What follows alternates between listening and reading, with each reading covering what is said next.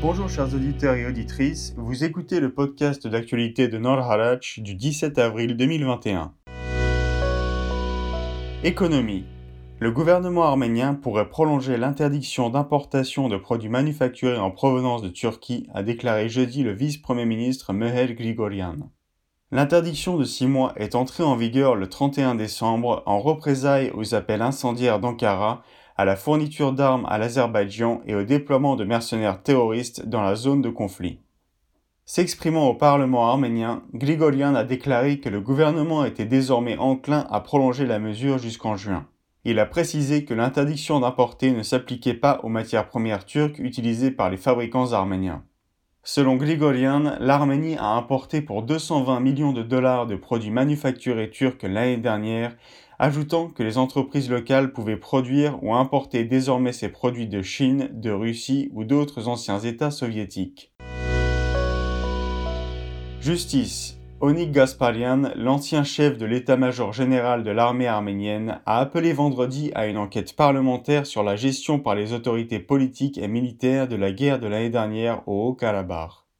Dans une lettre adressée aux dirigeants du Parlement, Gasparian a cité la nécessité de répondre à de nombreuses questions sur l'issue de la guerre de six semaines et d'apaiser les tensions politiques dans le pays.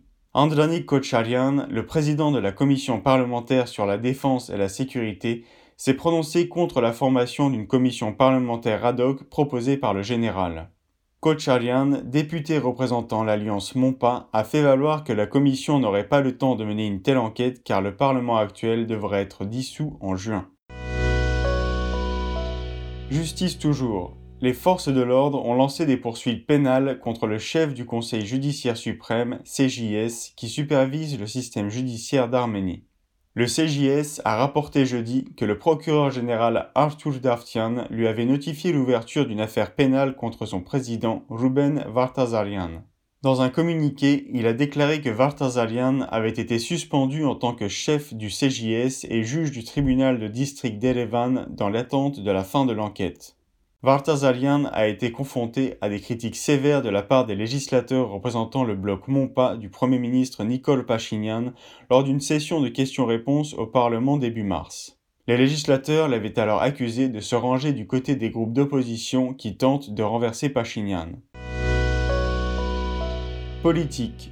Le président Armen Sarkisian a refusé de signer un projet de loi soutenu par le gouvernement qui triplerait les amendes légales maximales fixées pour diffamation en Arménie, le qualifiant de menace pour la liberté d'expression.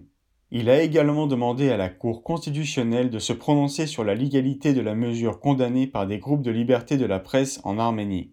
Le projet de loi modifiant le Code civil a été rédigé par le vice-président du Parlement, Alain Simonian, et adopté par l'Assemblée nationale à la fin du mois dernier.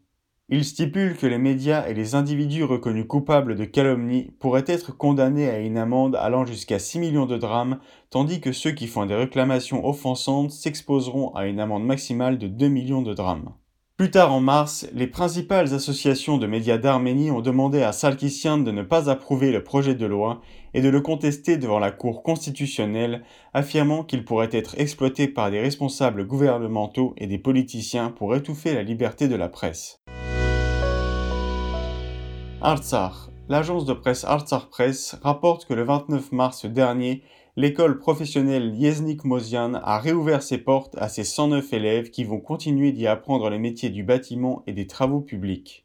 Fondée à Chouchi en 2015 sur le modèle français des centres de formation d'apprentis grâce au mécénat de Yeznik Mozian, l'école a retrouvé un nouveau bâtiment au sein de la capitale Stepanakert, offrant toujours à ses élèves transport collectif, repas gratuits et dortoirs. Bien qu'endeuillés par la perte de dix de leurs camarades morts pendant la guerre, les élèves de l'école se disent heureux de pouvoir poursuivre leurs études pour travailler ensuite à la reconstruction de l'Artsar.